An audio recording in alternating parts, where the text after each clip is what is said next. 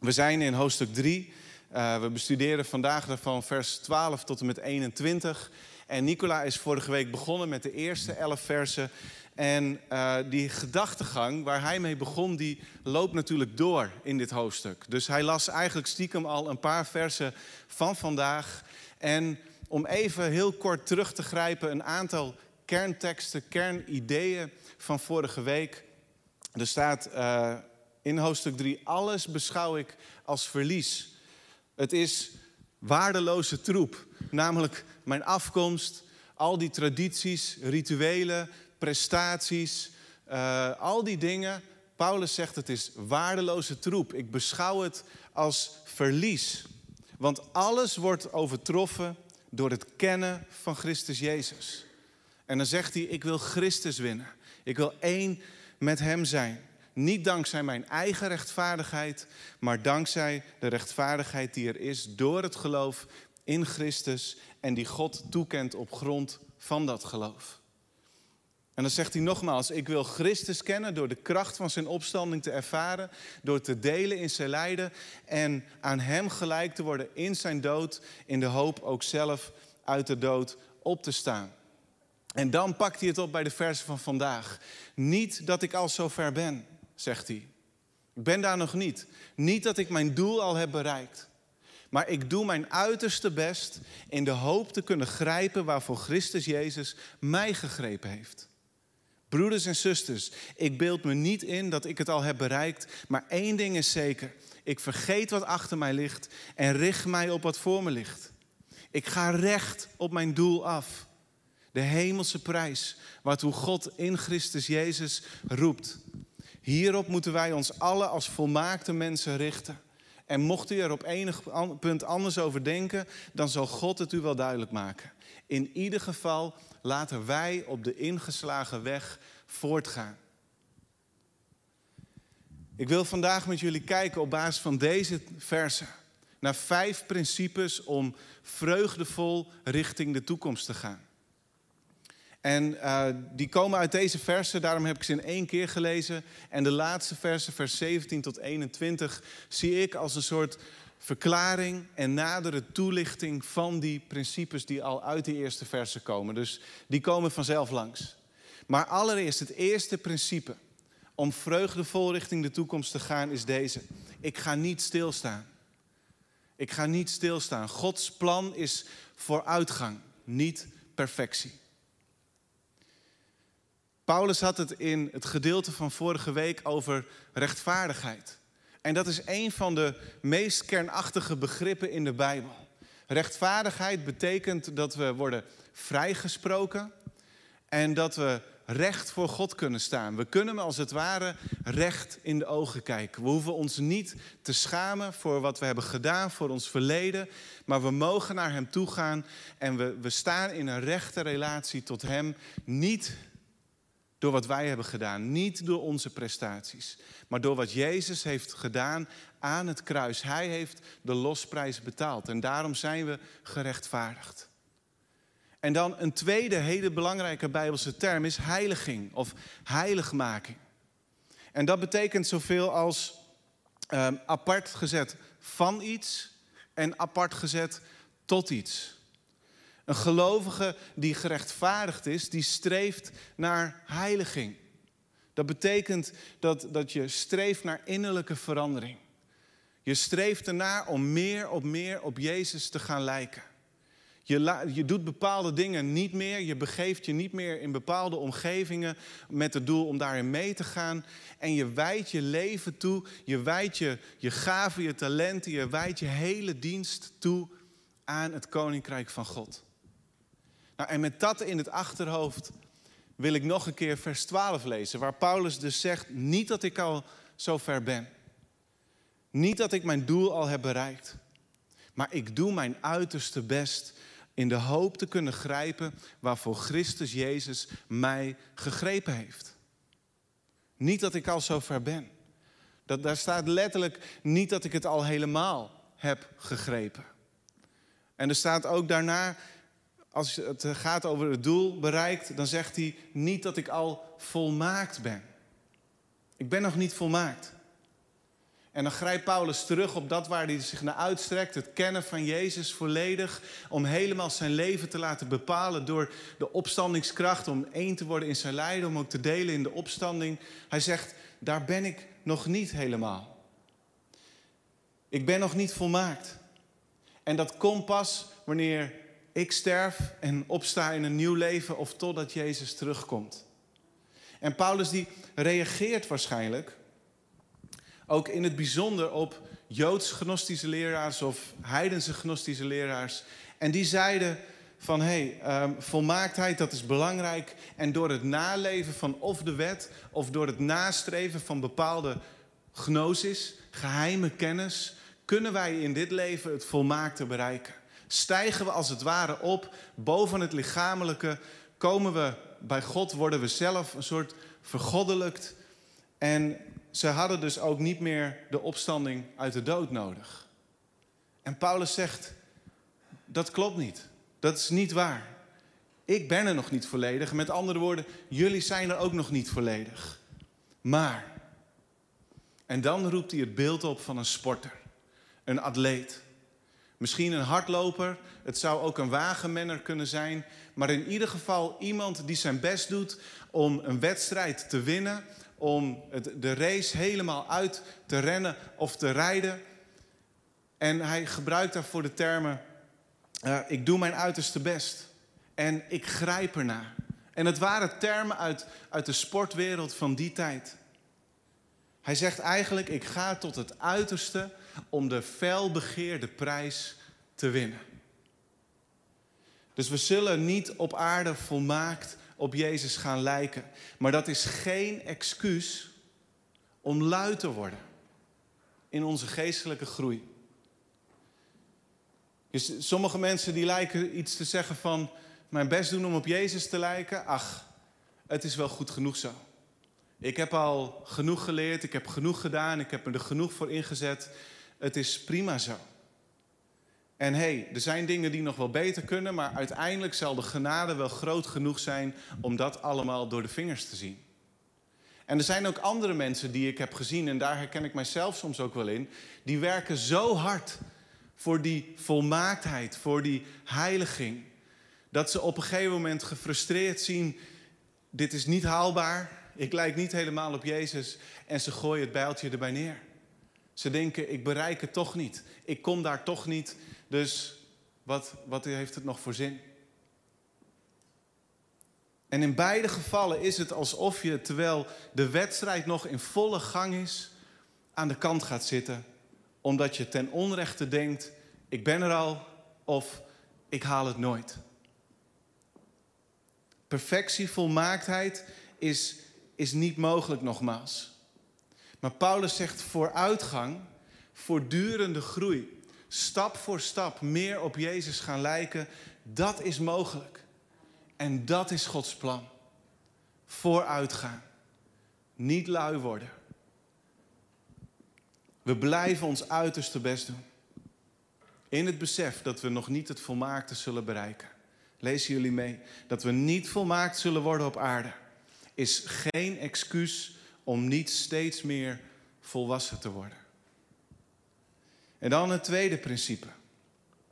Ik kijk niet voortdurend achterom. Gods vrijheid helpt vooruit. Ik kijk niet de hele tijd achterom. Broeders en zusters, zegt hij in vers 13. Ik beeld me niet in dat ik het al heb bereikt. Maar één ding is zeker. Ik vergeet wat achter me ligt en ik strek me uit naar wat voor mij ligt. Ik strek me uit. En Paulus heeft het er niet over dat we mensen uit ons verleden of belangrijke lessen uit het verleden moeten vergeten en achter ons laten. Of dat, dat de opbouwende en positieve dingen die we hebben meegemaakt met Jezus, dat we die dan maar, uh, dat was in het verleden, daar hebben we niks meer mee te maken. Dat is niet wat Paulus zegt. In deze specifieke context heeft hij het over zijn eigen oude streven naar zelfrechtvaardiging. Door het houden van de wet. Door zich op de borst te kloppen over zijn afkomst en zijn afstamming. En van de Fariseeërs was ik de beste, enzovoort, enzovoort. Hij zegt daarover, dat moeten we achter ons laten. Ik heb met mijn streven In het verleden heb ik mensen pijn gedaan. Heb ik mensen nagejaagd en achtervolgd en opgesloten. Ik was trots. Ik was arrogant. En dat wil ik niet meer zijn. Dat is verlies. Dat is waardeloze troep.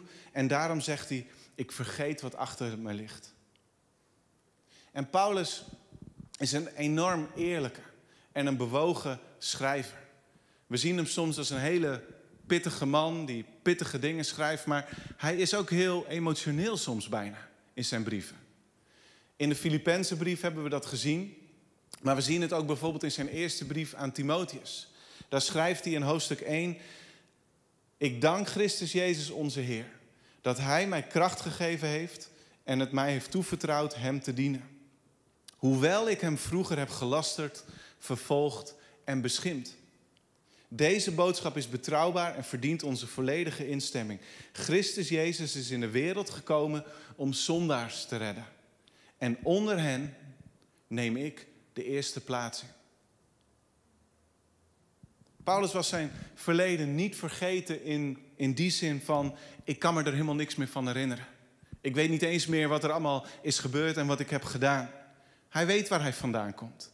Hij zegt, ik heb God en ik heb zijn gemeente belasterd. Ik heb het vervolgd, ik heb het beschimd.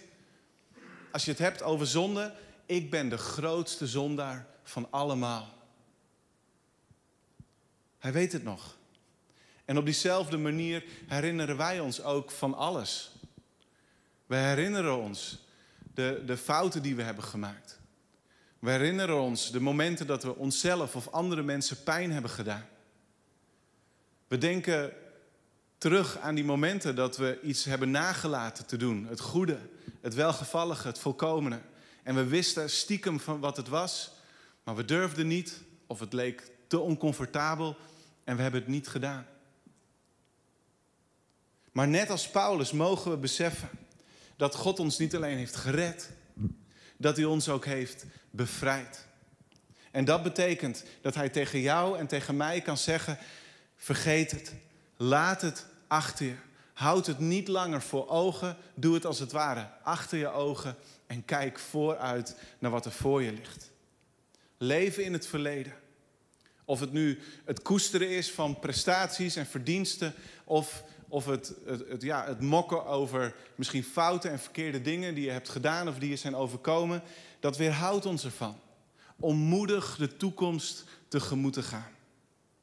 Stel je voor dat je in je auto rijdt en je kijkt voortdurend in de achteruitkijkspiegel. Waar kom je dan? Helemaal nergens. Of denk even terug aan het beeld van deze hele passage van een atleet, van een hardloper. Als hij voortdurend achterom kijkt, dan haalt hij, dan haalt hij de finish niet. Laat staan dat hij ook maar enige kans zou maken om te winnen. Dus daarom, kijk niet voortdurend achterom. Gods vrijheid richt ons en helpt ons vooruit. Ten derde, ik jaag één doel naar. Gods toekomst vol hoop. We vinden dat in vers 14. Daar zegt Paulus: Ik ga recht op mijn doel af. De hemelse prijs waartoe God in Christus Jezus roept. Op hetzelfde moment dat Paulus bewust zijn verleden achterlaat of loslaat, richt hij zijn aandacht ten volle op de toekomst. Hij gaat recht op zijn doel af. En ik wil met jullie kijken naar even een, een kort fragment uit de film Chariots of Fire. Dat gaat over in het bijzonder twee Britse atleten die uh, zich aan het voorbereiden waren op de Olympische Spelen van 1924. Uh, eh, Harold Abra Abrahams en uh, Eric Liddell. En um, dit filmpje speelt zich af in 1923. Ze zijn volop in de voorbereiding. Kijk even mee.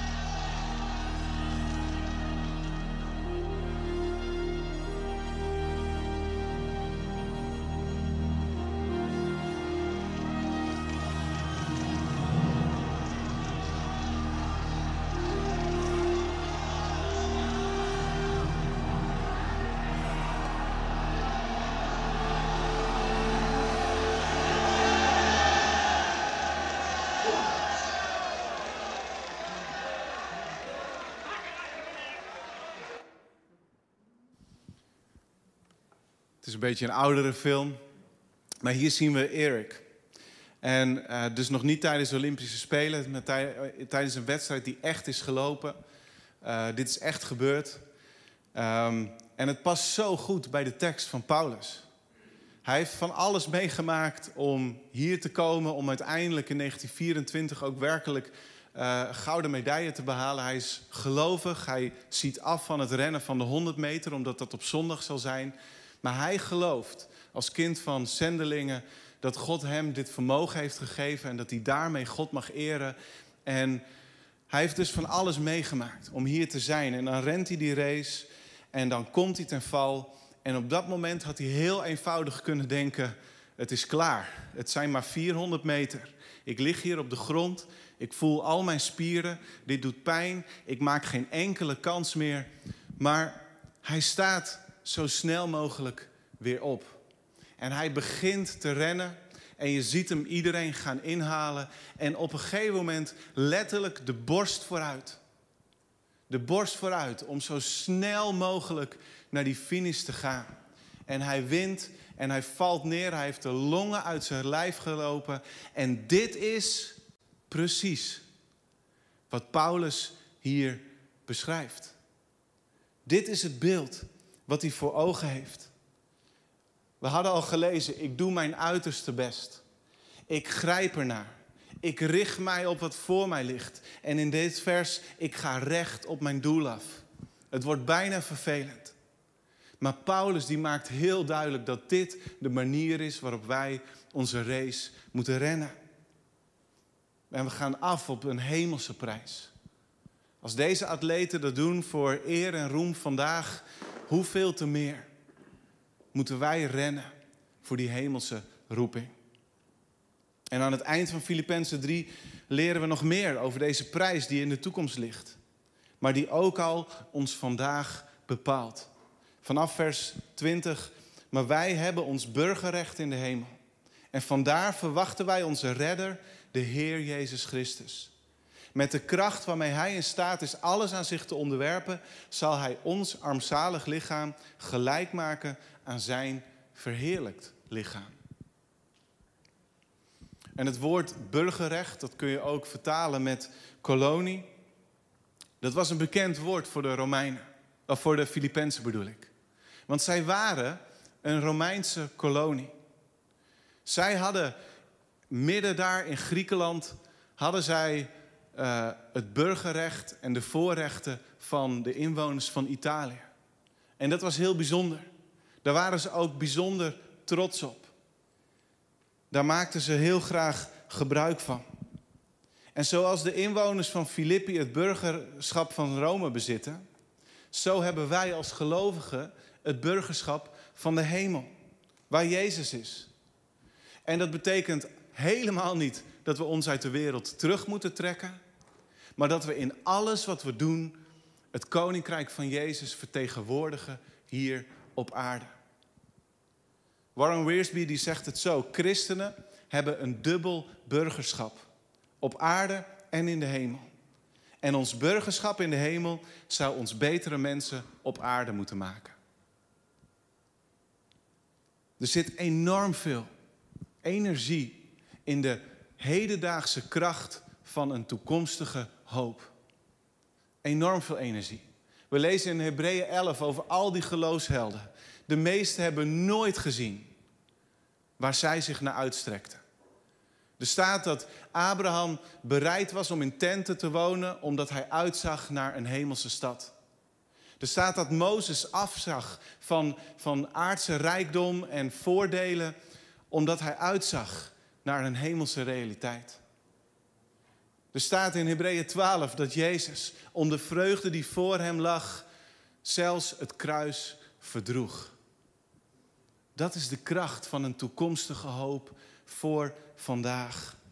Het feit dat Jezus terugkomt en dat wij, net als Hem, een verheerlijk lichaam zullen ontvangen, is een krachtig motief om toegewijd aan Hem te leven en om Hem te dienen in ons leven op aarde. Het vierde principe. Ik ben me bewust van mijn denken. Gods mensen zijn gefocust. Er staat in vers 15: Hierop moeten wij ons allen als volmaakte mensen richten. Mocht u er op enig punt anders over denken, dan zal God het u wel duidelijk maken. En hierop verwijst naar heel vers 12 tot en met 14. Waar duidelijk gemaakt is dat we, hoewel we niet de volmaaktheid zullen bereiken, dat we ons ernaar uit moeten strekken.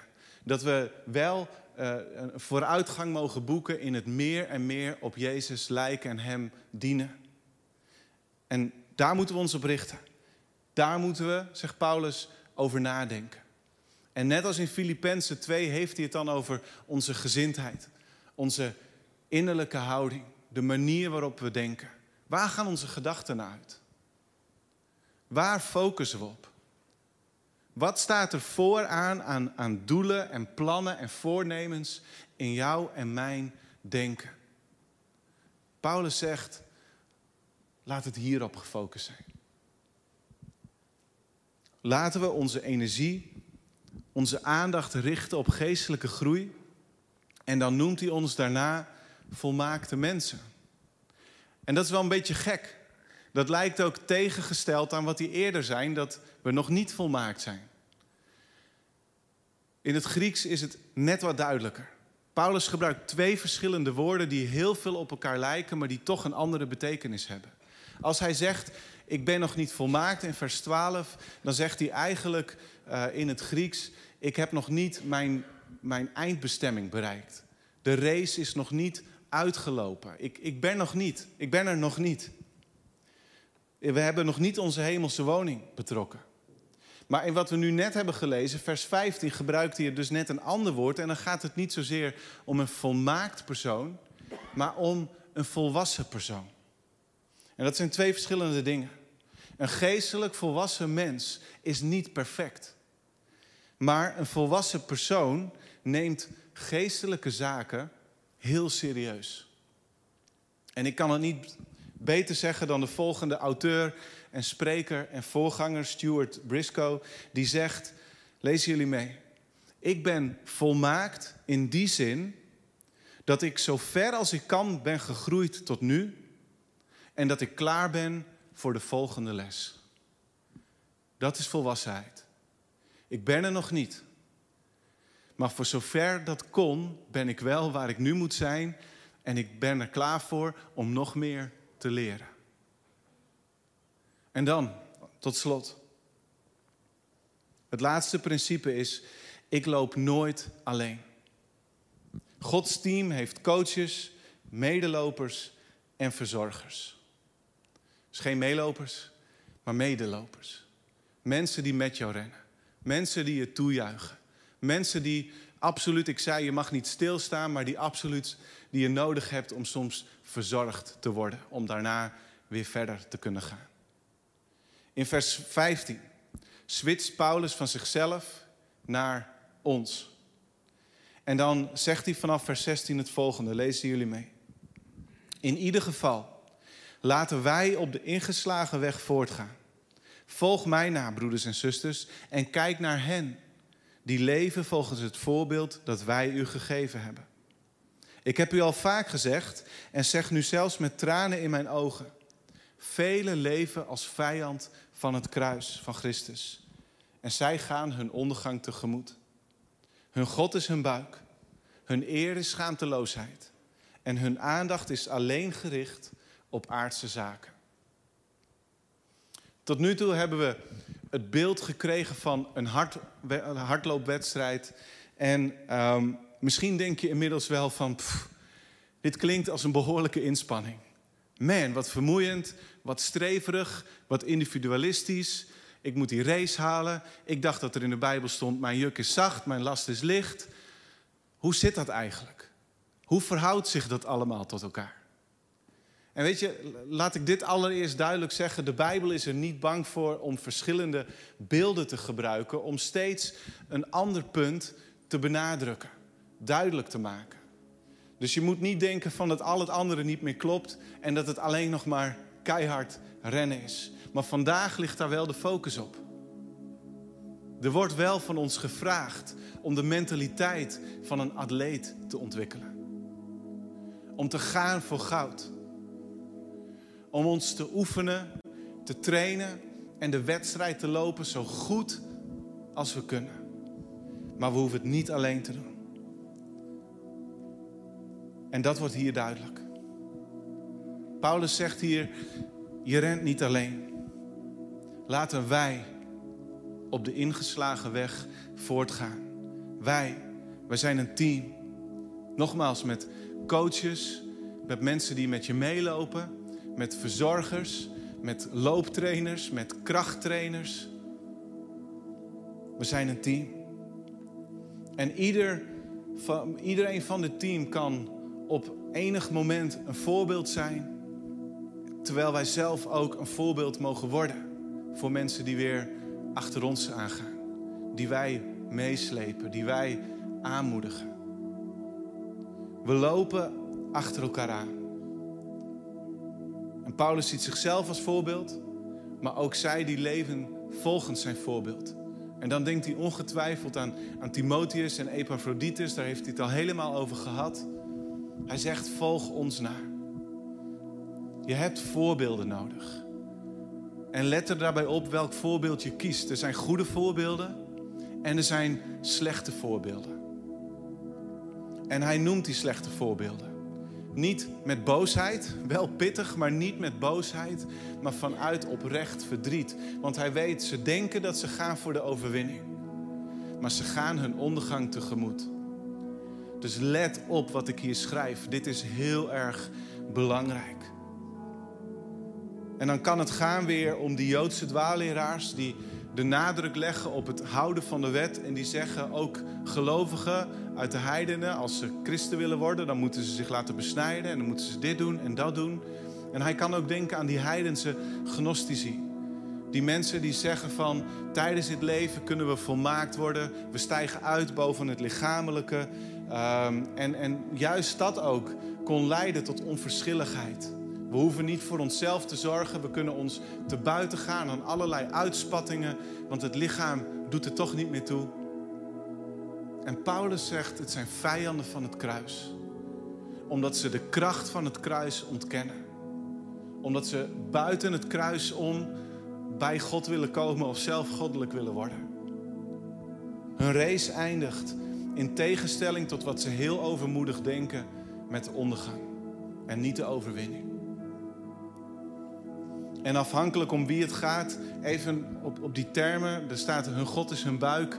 Als het gaat over de Joodse dwaalleraars, dan kun je denken aan, aan de spijswetten. Of als het gaat om de heidenen, dan kun je denken je helemaal te buiten gaan. Aan, aan allerlei eten en drinken, maar ook misschien ander plezier. En misschien zou hij vandaag de dag wel zeggen: jongens, let op hoe je leeft. Vrijheid, blijheid klinkt leuk, alles kan, zolang iemand anders maar niet beschadigt, klinkt leuk, maar dat is het niet. Daar gaat het niet om. Sterker nog, je maakt kans om helemaal de mist in te gaan. Het gaat niet om je eigen genot en plezier. En dan zegt hij ook nog: hun, hun eer is hun schaamteloosheid, hun heerlijkheid is hun schaamte. Bij de Joden kan hij, um, kan hij denken van. Um, um, kan hij denken aan ook zij streven naar een toekomstige heerlijkheid. Maar dat kan omslaan in schande wanneer ze erachter komen: we hebben Jezus nodig. Het zou ook misschien letterlijk kunnen gaan om de schaamte die ontbloot wordt om mensen te besnijden. In het geval van de heidenen gaat het om weer allerlei zaken, uh, allerlei uitspattingen waar mensen eer in stellen, waar mensen trots op zijn, maar die eigenlijk gewoon zonde zijn. En hij zegt nog, hun aandacht is gericht op aardse zaken. Het gaat opnieuw over de wetten, over de voorschriften, de pogingen om gerechtigheid via de wet te bereiken. Het, maar dat houdt, en het, het houdt mensen af van het kruis. Gnostici dachten dat ze door hun kennis boven al het aardse verheven zijn. Maar ironisch genoeg, door hun manier van leven, waren ze juist aardsgezind. Nou, het zou heel interessant zijn om nog veel dieper juist op deze termen in te gaan, omdat het ook, dat is de achtergrond waartegen Paulus schrijft. Maar ik denk dat het belangrijkste voor vandaag dit is. Dat we allemaal de juiste voorbeelden volgen en de juiste voorbeelden worden. En dat is het laatste van de vijf principes die Paulus hier noemt. Ik ga niet stilstaan alsof de race al klaar is. Ik kijk niet voortdurend achterom. Ik richt mij, ik focus mij op mijn doel. En dat is ook de manier waarop ik denk. Ik jaag ernaar te grijpen, Jezus te kennen en niks anders. En hij zegt, of ik, en hij zegt, ja, ik loop nooit alleen. En met die vijf principes kunnen we de wedstrijd lopen. Een wedstrijd waarin we gaandeweg sterker worden, meer volwassen worden en we weten waar de finish ligt. We weten wat ons daar wacht. Een hemelse prijs. En we lopen niet alleen maar naar de overwinning, we lopen ook vanuit de overwinning. Dat is zo geweldig. De opstandingskracht van Jezus is voor vandaag. Dus ik nodig jullie allemaal uit. Ren mee. Neem deel aan de wedstrijd. Zullen we met elkaar gaan bidden. Lieve Vader in de hemel, ik dank u wel voor uw woord. Het is zo rijk, zo mooi, zo duidelijk, Heer. En als we er samen mee bezig zijn, dan worden ook onduidelijkheden worden weer helder. Ik dank u dat we in zoveel connectgroepen en mensen persoonlijk thuis en in de diensten bezig mogen zijn met deze brief. Heer, en vandaag ja, bevinden we ons als het ware in een stadion. Vandaag zien we de racebaan. Zien we de hindernissen, zien we de valkuilen. Zien we de mensen die ons van die baan af willen halen. Maar ik dank u wel dat we ons mogen uitstrekken naar dat ene doel. Dat we ons denken daarop mogen richten, dat we ons lichamelijk daarop mogen richten, dat we net als die Eric onze borst vooruit mogen doen. En het allerbelangrijkste wat we nastreven heeft niks te maken met de voordelen van de wereld. Met rijkdom, met macht, met aanzien. Maar het heeft alles te maken, Jezus, met u en u alleen. We willen u kennen. We nemen niet genoegen met wat we nu al weten. We willen meer weten. We nemen niet genoegen met wat we nu al met u en voor u hebben gedaan. We willen nieuwe dingen doen. We willen er verder in groeien.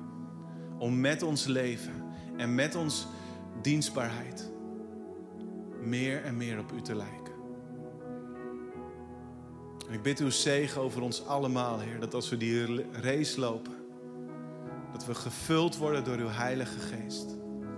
Dat we mogen leven door uw opstandingskracht. En dat we het samen zullen doen. Ik dank u voor het team wat we zijn als kerk in Heerenveen, in Leeuwarden, in Friesland. We prijzen u daarvoor. In Jezus' naam. Amen. Zullen we met elkaar gaan